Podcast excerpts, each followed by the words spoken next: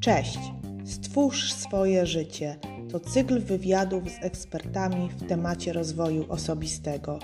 Jeśli chcesz zbudować swoją pewność siebie w sprzedaży, chcesz zwiększać poczucie własnej wartości, chcesz nie odkładać rzeczy na później, a także rozwijać się w innych kompetencjach rozwoju osobistego, zapraszam Cię do cyklu wywiadów Stwórz swoje życie. Zaczynamy!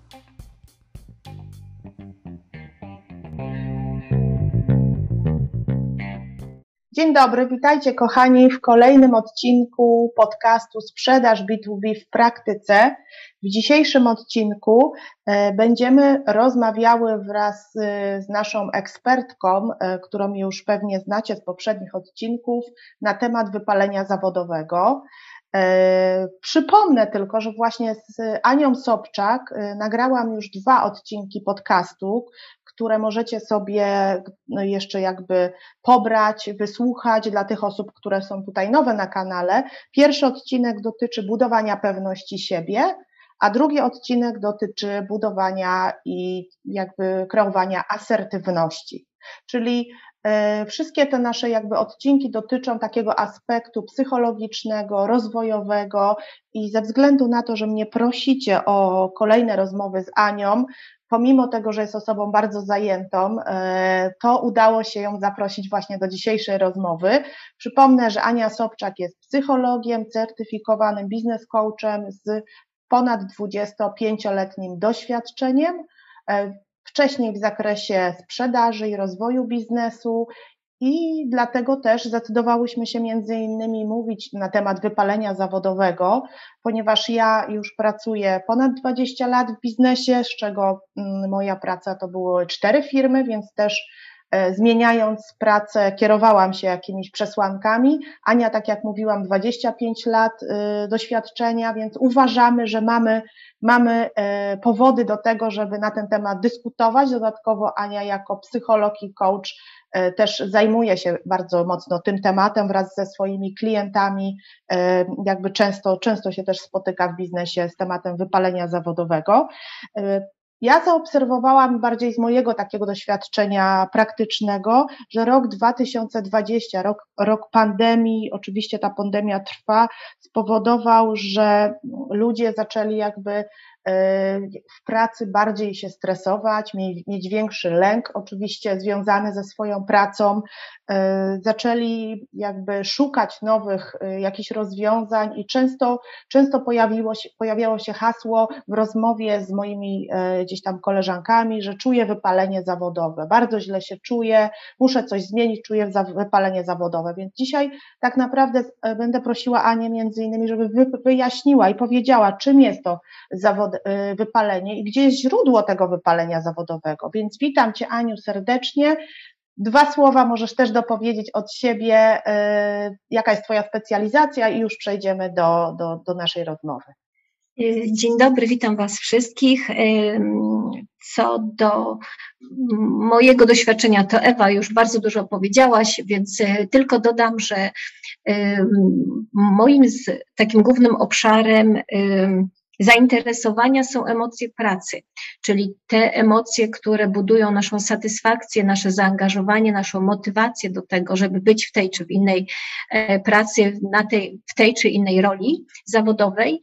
I te emocje są od tych najbardziej pozytywnych, czyli e, tak zwanego dobrostanu pracowniczego, hedonistycznego i eudaimonistycznego, o czym kiedyś pewnie też opowiem, e, po te bardzo złe emocje, które powodują nasze wyczerpanie, nasz brak y, y, chęci do pracy, do realizacji zadań, do wyzwań, które mamy w miejscu pracy, które właśnie bardzo często y, my identyfikujemy jako wypalenie zawodowe. Natomiast właśnie, czy to jest wypalenie zawodowe, czy nie, to dzisiaj o tym z Ewą porozmawiamy. Tutaj tylko chciałam dodać to, co Ewa powiedziała, że spotyka się na, na co dzień z takimi opiniami, że ten rok 2020 przyniósł nam bardzo duże obniżenie naszego takiego komfortu pracy pod względem stresu i lęku. Ostatnio pojawiło się badanie Oracla i Workplace Intelligence z października 2020 roku, które objęło 20 tysięcy osób z 11 krajów i faktycznie y, wyniki tego badania wskazują, że aż 70% ankietowanych pracowników odczuwa większy stres i lęk w pracy niż w poprzednich okresach. I jest to wynik pandemii. I w, y, wynikiem tego jest bardzo mocne problemy ze zdrowiem psychicznym i wypalenie zawodowe, które obejmuje aż 25% ankietowanych. Jest to wskaźnik, wskaz, wskaźnik y, trudny, bo mm, można w ten sposób y, zinterpretować, że jeden na czterech pracowników odczuwa wypalenie zawodowe. Natomiast co to jest wypalenie zawodowe? Y, właśnie, może od razu przejdźmy do tego, ponieważ napisałam w komentarzu do informacji na temat tego posta, że wypalenie zawodowe dla nas jest czasami mm, taką wymówką czy wytrychem w trudnej sytuacji, ale może być też bodźcem y, do zmian. W, głównie jest to mm, nasza interpretacja tego, jak my y, czujemy się w naszym miejscu pracy pod względem poznawczym, emocjonalnym, fizycznym. Y, I to, jak my się czujemy w miejscu pracy, jest uwarunkowane tym, co daje nam środowisko pracy, czyli takimi rzeczami jak wymagania ilościowe, jakościowe zadań, e, jak autonomia, i którą dostajemy, i wsparcie od naszych przełożonych i od naszych współpracowników, e, ale również e, to, jak identyfikujemy naszą rolę i czy mamy w niej jakieś konflikty, czy ona jest adekwatna do naszych umiejętności, doświadczeń i talentów, a także y, jakie wartości znajdujemy w pracy zawodowej, czyli czy one są zgodne z naszymi indywidualnymi wartościami, czy są sprzeczne, czy w pewien sposób nie kolidują z sobą. Y, I ja ze swojej strony dodaję do tego y, taki, taką cechę organizacji, jaką jest kultura organizacyjna, o której można by mówić wiele, natomiast która generuje w pewien sposób styl y, działalności, styl y, tego, jak organizacja y, traktuje pracowników, traktuje klientów, traktuje siebie i co sobą reprezentuje. I to nie jest kwestia tego, czy to jest dobre czy złe. Każda kultura jest inna, ma swoje cechy i dobrze jest rozumieć kulturę organizacyjną firmy, do której się wchodzi czy w której się pracuje. Drugą rzeczą, która, którą nam dają warunki w pracy, to są e, relacje interpersonalne, które, tak jak wiemy, e, że obok zadań mamy całą sieć e, współpracowników przełożonych podwładnych i to bardzo mocno wpływa na to, jak my się czujemy w tym miejscu pracy. Natomiast druga rzecz to jest nasza interpretacja tych wszystkich czynników która jest uwarunkowana tym, jaką osobą jesteśmy, y, jaką, jaki mamy wiek, ponieważ psychologowie w, swoich badaniach wykazali wpływ wieku na to, jak odczuwamy wypalenie zawodowe czy nasz komfort pracy, y, nasz poziom satysfakcji z pracy. Jaką mamy osobowość, ponieważ tu można by dużo mówić, natomiast samej Wielkiej Piątki można powiedzieć, że osoby neurotyczne y, są bardziej podatne na lęki, na stresy, na depresję.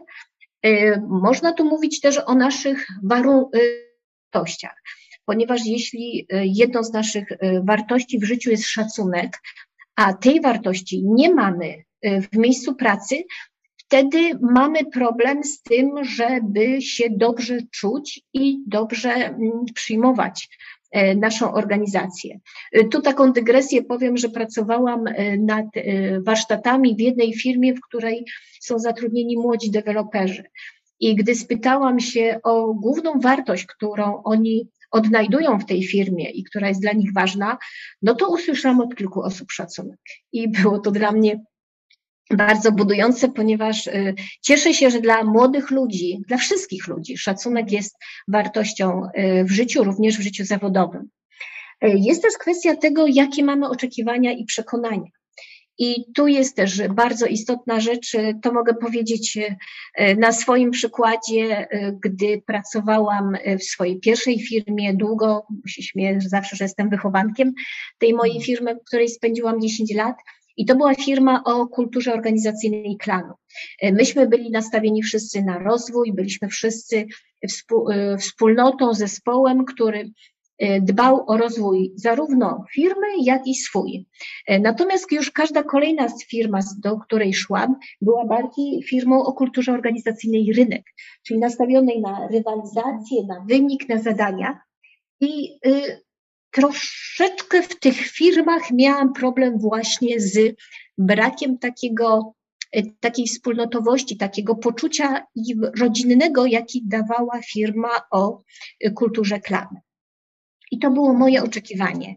Gdybym to oczekiwanie, gdybym była bardziej świadoma e, tego, że to moja interpretacja y, zaburza mi odbiór tych kolejnych firm, może y, łagodniej bym podchodziła do oceny tych firm y, jako pracownik. Y, jeszcze inną rzeczą, która bardzo mocno wpływa na naszą interpretację, są strategie radzenia sobie ze stresem. To też jest bardzo duży temat, który na przykład bardzo ciekawie opisała pani profesor Rągińska w swojej książce, y, gdzie można przeanalizować i wręcz zbadać testem psychologicznym, jak y, pracownicy radzą sobie w sytuacjach stresowych w miejscu pracy, jakie mechanizmy wykorzystują i jakie skutki uzyskują w ten sposób. E, I są również takie e, rzeczy, które bardzo mocno na nas wpływają, właśnie jak chociażby pandemia. Czynniki, które zupełnie są niezwiązane z miejscem pracy, mhm. a jednak bardzo mocno obciążają nas emocjonalnie. I to jest ten mm, moment, w którym warto powiedzieć o tej wymówce. Idziemy do pracy i y, źle czujemy się w tej pracy, coś się zmieniło, coś, odczuwamy jakieś negatywne emocje. Może to nie być kwestia warunków pracy, środowiska, w którym pracujemy, zadań, które wykonujemy. To może być przytłoczenie informacji, które przychodzą z zewnątrz na temat tego, co było, co jest i co będzie w kraju w związku z pandemią informacje na temat y, niestabilności ekonomicznej, na temat problemów y, niewydolności służby zdrowia, na temat y, informacji o bliskich osobach, które chorują czy które umierają, o tej nieprzewidywalności naszych, naszej przyszłości, o tej niemożliwości podejmowania jakichś decyzji co do naszej najbliższej przyszłości, ale i dalszej. Y, strach o edukację dzieci. To wszystko wpływa na nas bardzo mocno i może doprowadzać do tego, że y, coraz bardziej się frustrujemy w miejscu pracy. Nie do końca to może być zmiana, która nastąpiła y, w sam, u naszego pracodawcy. Może to być po prostu nasze obciążenie emocjonalne, psychiczne, związane z tymi negatywnymi informacjami na temat sytuacji w kraju. I po tym długiej wypowiedzi yy, chciałabym, tak. chciałabym powiedzieć, tylko podsumować to tak, że mhm. to, co się, to, te nasze emocje, które my wnosimy do oceny miejsca pracy, mogą być związane zarówno z warunkami, które y, daje nam pracodawca, ale również z tym, co my czujemy w sobie i co E, co my przynosimy do tego miejsca pracy z sobą. Mhm, mhm. Każdy jest na, na innym poziomie doświadczenia, e, każda z osób. Każda z osób przeszła e, różne momenty w swoim życiu i myślę, że to też ma znaczenie, w którym miejscu jesteśmy, na jakim etapie, czy to jest właśnie nasza pierwsza praca, druga, trzecia i, i po prostu z kim pracujemy, więc też nie ma jednego, z tego co Ania mówisz, jednej recepty na to, kiedy występuje zawsze to wypalenie zawodowe. Z tego, co mówisz, jest szereg czynników. E, pierwszy bardzo ważny to jest właśnie jakby styl organizacji. Tutaj wymieniłaś organizacja typu klan, organizacja typu rynek, tak? Jest jeszcze, są jeszcze dwa typy, bo rozmawiałyśmy przed nagraniem, więc jakby, mm, jakbyście chcieli też jakby poznać żeby też identyfikować, w jakiej firmie pracuje, tak, tak naprawdę, to, to też jest bardzo istotne, jaką kulturę organizacyjną ma ta, e, ta firma, bo te, wtedy też będzie Wam łatwiej się odnaleźć albo zdiagnozować, czy pasujecie do tej firmy. Kolejno też jakby sama osobowość, to, tak, czyli to, co Ania powiedziała, że osoby bardziej emocjonalne, bardziej wrażliwe mogą inaczej E, inaczej odczuwać pewne zadania, ale to, co mnie bardzo zainteresowało, to, to od czego Ania zaczęłaś, to właśnie jakby też jakby sposób delegowania chyba zadań, ale bardziej zwracanie uwagi na to, jak, co jest dla danego szefa najważniejsze, czyli przez pryzmat KPI-ów, przez pryzmat celów, tak? Yy, na przykład wykonaj 20 telefonów, wykonaj 10 telefonów, nie wiem, pojedź do pięciu klientów. To jest takie troszeczkę jakby zarządzanie, yy, bym powiedziała, stricte przez cele, a ja już patrząc na siebie, mocno to zmieniam ze względu na to, że też jest ważne to samopoczucie tego pracownika właśnie w okresie pandemii, więc jak jakieś osoby wracają z chorobowego, to ja pierwsze co się pytam i mnie to interesuje, jak się czujesz, a nie ile dzisiaj wykonasz telefonów. Więc jakby to holistyczne podejście, myślę, e, do zarządzania, już tak mówiąc, mówię ja z perspektywy szefa trochę, też jest, też jest bardzo, bardzo istotne. E, więc szereg jest czynników, ale jak tutaj Aniu już e, zdiagnozować, tak? Pracujemy e, i czujemy się zestresowani, to powiedz w jaki sposób, jakie mamy fazy tak naprawdę przechodzenia przez ten stres, żeby, żebyśmy wiedzieli, w którym miejscu jesteśmy. Wrócę jeszcze do Twojej wypowiedzi, bo bardzo fajną rzecz powiedziałaś o tym, o tej komunikacji pomiędzy szefem a pracownikiem. To tylko dodam, że Okres pandemii jest bardzo dobrym testem na to, jakim się jest liderem, ponieważ y, y, transparentny lider, y, komunikujący się z pracownikami w sposób otwarty, który mówi, co się dzieje, jaka jest sytuacja firmy, jakie wyzwania stoją przed organizacją. Nie trzyma tych informacji dla siebie, stara się mm, być tak takim partnerem w tej komunikacji z, ze swoim pracownikiem i który dba o emocje pracownika. To, co powiedziałaś, pytasz się, jak się czujesz, a nie y, ile wykonasz telefonów. I który daje pewną swobodę, tak, tak właśnie tą autonomię, o której też wspomniałam, taką swobodę tego, żeby pracownik też miał przestrzeń do tego, żeby sobie na nowo, elastycznie podejść do tej nowej rzeczywistości, to jest bardzo istotna rzecz w budowaniu dobrej atmosfery w pracy. Tego, mhm. żeby pracownik czuł, że on jest ważny dla swojego przełożonego. I ten test liderstwa w tej chwili niektórzy tak. zdają, a niektórzy niestety oblewają bardzo poważnie. Y, wracając do Twojego pytania, y, jak sprawdzić, czy jesteśmy wypaleni? Y, jedną z głównych psychologów zajmujących się teorią wypalenia zawodowego jest Krystyna Maslak. Zresztą jest to Krystyna Maślak, polskiego pochodzenia pani psycholog, żona znanego psychologa od, od eksperymentu więziennego Zimbardo. Y, pani Krystyna Maslak już w latach 70. Y, rozpoczęła pracę nad wypaleniem zawodowym i ona wypalenie zawodowe określiła jako y, jako brak dopasowania kompetencji pracownika i wymagań środowiskowych, zarówno pod względem jakości kompetencji do wymagań środowiska, jak i spełnienia oczekiwań y, pracownika przez zasoby dostępne w środowisku.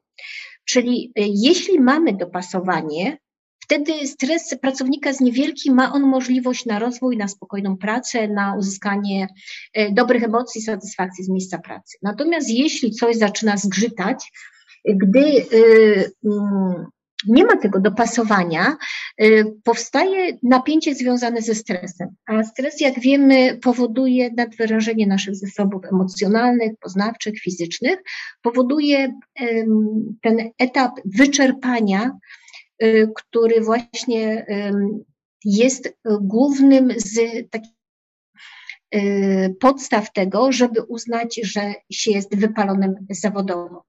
E, Krystyna Maslach opisała trójwymiarowy model wypalenia zawodowego, który wskazuje na wymiary, ale i, tak, ale i trochę fazy wypalenia zawodowego. Pierwsza faza to jest właśnie to poczucie nadmiernego stresu, nadmiernego obciążenia emocjonalnego, fizycznego, które powoduje docelowo to, że tracimy energię.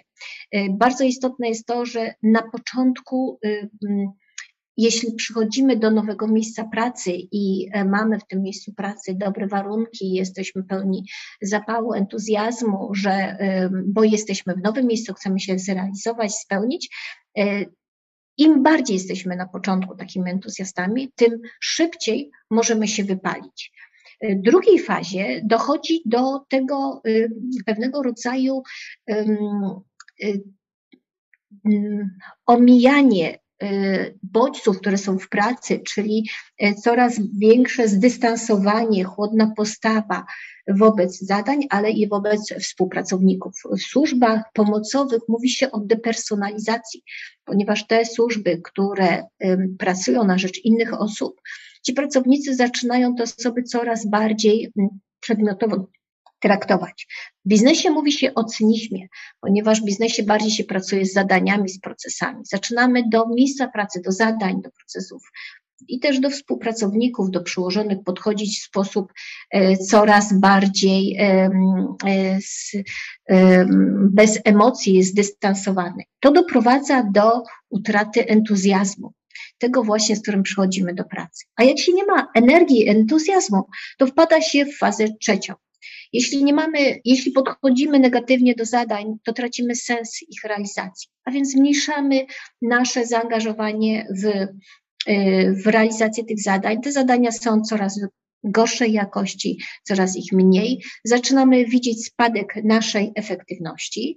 E, I zaczynają to widzieć również nasi współpracownicy. W tym momencie zaczynamy wątpić w to, czy nasza praca ma sens, czy nasza praca ma znaczenie, czy ma w ogóle jakąś wartość i tracimy pewność siebie. A o pewności siebie właśnie rozmawiałyśmy na jednym z, z wcześniejszych podcastów. Brak pewności siebie doprowadza do tego, że tracimy sens w tym, co robimy w miejscu pracy.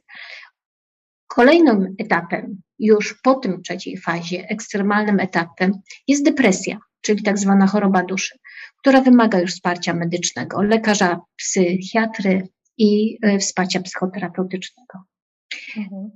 Jeśli wiemy, jakie są te fazy, jeśli możemy ocenić, że jesteśmy czy to na fazie e, wyczerpania i utraty energii, czy w fazie drugiej, cynizmu i depersonalizacji, gdzie tracimy entuzjazm, czy w fazie trzeciej, gdzie mamy ten brak efektywności i utratę pewności siebie, to wiemy mniej więcej, jak głęboki jest ten problem, i jak szybko i poważnie powinniśmy się nim zająć. Mhm. Jest cała kwestia, o której rozmawiałam już na innym webinarze, rozróżnienia, czy to jest wypalenie zawodowe, czy już depresja, ale to już jest, już jest temat zaawansowany i wydaje mi się, że jeśli ktoś ma depresję, to, no, to już będzie miał bardzo poważne symptomy i powinien zwrócić się z tym do lekarza. A czy, je, a czy można w jakiś sposób e, zdiagnozować y, poprzez jakieś y, takie jakby właśnie symptomy na swoim ciele czy w swoim zachowaniu, na którym etapie jesteśmy, tak, tego jakby wypalenia, żeby podjąć kroki? Czy są jakieś takie jakby objawy, y, którym możemy w jakiś sposób zapobiegać, tak? No, te objawy to są te wymiary, o których mówiłam czyli brak energii, brak entuzjazmu albo brak pewności siebie. Natomiast mhm. każdy z tych elementów jest też powiązany z problemami fizycznymi.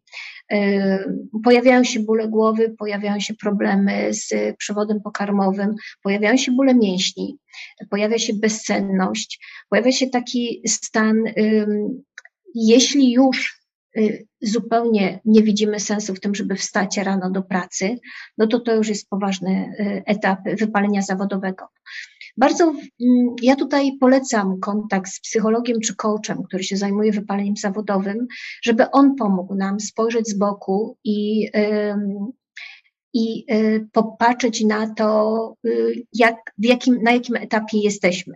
Ponieważ jeśli doprowadzimy się do depresji, to to już jest choroba mózgu to już nie jest mhm. kwestia nad odbudowaniem zasobów, tylko to już jest sprawa leczenia farmakologicznego i odbudowy poprawności działania procesów w mózgu.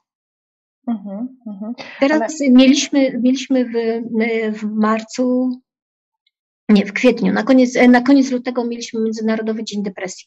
Bardzo dużo było ciekawych webinarów, e, bardzo dużo zostało na YouTubie takich wystąpień na temat depresji. Polecam, ponieważ cały dzień uczestniczyłam w tych różnych wystąpieniach i, i tam naprawdę można było uzyskać dużą wiedzę na temat zobaczenia, przyjrzenia się sobie pod kątem depresji. Mhm.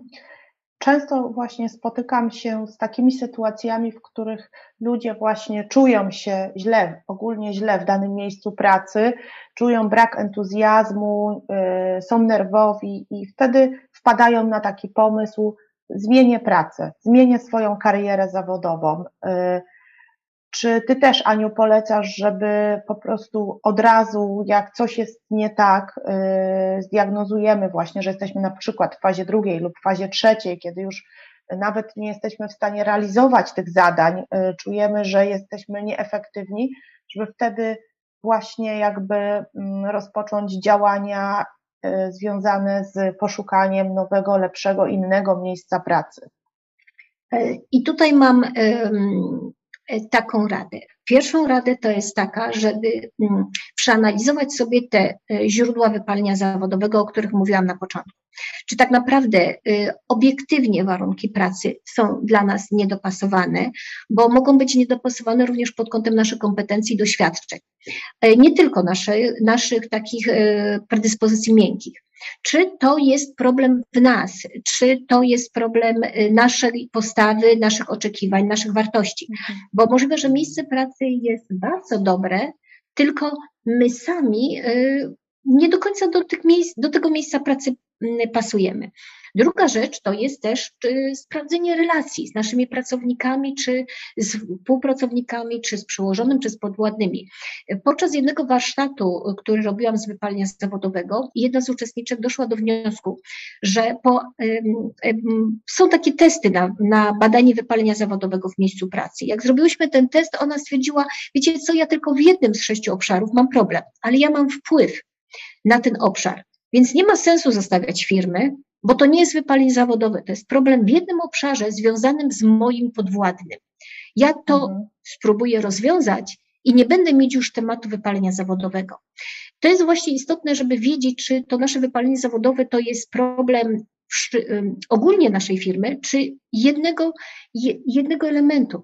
Może to być na przykład mobbing, i to jest bardzo istotne, ponieważ y, ja uważam, że mamy małą wiedzę na temat mobbingu. Pracownicy nie są szkoleni czy przełożeni, jak y, identyfikować mobbing, natomiast y, jest takie powiedzenie: nie odchodzi się z firmy tylko od szefa. I mhm. to jest też bardzo duże zagrożenie, którego my nie do końca jesteśmy świadomi, jak go identyfikować, co sobie z nim radzić. No i jest trzecia rzecz, to wsparcie społeczne, bo może się okazać, że możemy w firmie znaleźć kogoś, kto nam pomoże w, mm, poradzić sobie z tymi naszymi emocjami. Czy to mentor, czy to coach, y, czy to superwizjer, y, supervisor, tak, mm, tak. przyjęło mówić. Osoba, która ma większe od nas doświadczenie, która zna, powinna znać nasze emocje, nasze zadania, wyzwania, przed którymi stoimy i która po prostu może nam pomóc spojrzeć na to zagadnienie z innej perspektywy. Natomiast jeśli po takiej analizie dojdziemy do tego, że jednak jest problem, może się okazać, że to nie jest dla nas miejsce, że jednak mamy potrzebę zmiany pracy.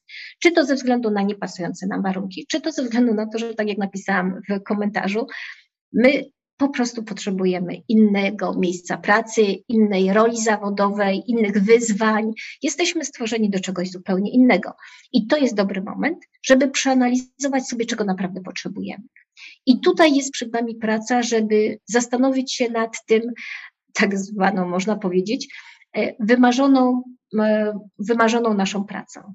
Bo może się okazać, że tak jak ja przez 20 lat byłam sprzedawcą i biznes deweloperem i się bardzo realizowałam w tej funkcji, ponieważ jestem po Politechnice Wrocławskiej, jestem analitycznym, ścisłym umysłem, ale z drugiej strony dla mnie zawsze najważniejszy był kontakt z ludźmi. Ja w tej mojej pracy najbardziej lubiłam spotkania z klientami, poznawania ich potrzeb, historii, nawiązywania relacji, y, budowania y, jakichś związków na bazie naszych wspólnych wartości.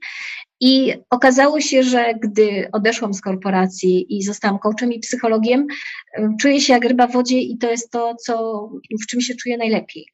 To jest, to jest właśnie miejsce, do którego przez te lata pracy w biznesie docierałam, ponieważ bardzo wykorzystuję moją wiedzę zawodową, pracując tylko teraz jako psycholog biznesu i coach biznesowy. Y, I to jest, żeby znaleźć tą wymarzoną pracę, to znowuż trzeba troszeczkę wejść w siebie. Trzeba poznać, mm, w czym się dobrze czujemy, do czego chcemy dążyć, co tak naprawdę w tej dotychczasowej pracy było dla nas najbardziej um, satysfakcjonujące, najbardziej motywujące, a co nie. Jakie mamy talenty, czy mamy um, silne strony, a w czym nie jesteśmy zbyt dobrzy i nie chcemy nawet tego poprawiać, bo uważamy, że może nie do końca jest to sens. Y, gdzie widzimy naszą taką rolę społeczną, gdzie chcemy wnieść coś wartościowego, Y, gdzie, tak można powiedzieć, gdzie, gdzie chcemy spełniać naszą misję jako człowiek, jako pracownik, jako pracodawca. Y, I mm, takie wejrzenie w siebie, wgląd w siebie, mm, w to, y, co tak naprawdę nas motywuje, daje nam ten flow, który, o którym mówi psychologia pozytywna, co daje nam tą taką radość twórczą. To jest miejsce, które powinno właśnie w jakiś sposób opisywać tą naszą wymarzoną pracę. Jeśli to będziemy mieć, wtedy możemy ustalić cel, a jak będziemy znać cel i go bardzo szczegółowo opiszemy, to będziemy w stanie zaplanować drogę do niego do, dojścia do tego celu.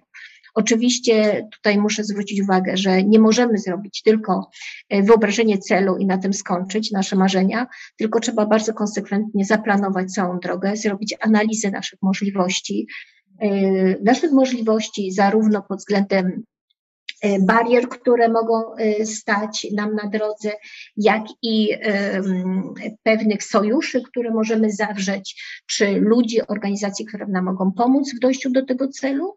E, I powinniśmy też ocenić nasze możliwości finansowe, oczywiście, bo bądźmy realistami przy naszej niestabilnej sytuacji, chociażby teraz związanej z pandemią, zmiana pracy i budowania nowej ścieżki kariery jest kosztowna i, i niesie za sobą duże ryzyko. Mhm. I myślę, że też dobrze mieć mentora, człowieka, który jest w stanie być przy nas, gdy będziemy mieć y, chwilę słabości, chwilę upadku, no bo mm, zmiana zawodowa niesie z sobą tą taką falę dobrych y, i złych emocji. No i musimy być świadomi tego, że wymarzona praca to będą łzy, to będzie to będzie pot, może nie, niekoniecznie krew, ale, ale będą chwile załamania, słabości, może i bankructw, po to, żeby dojść do tego wymarzonego swojego miejsca. Mhm.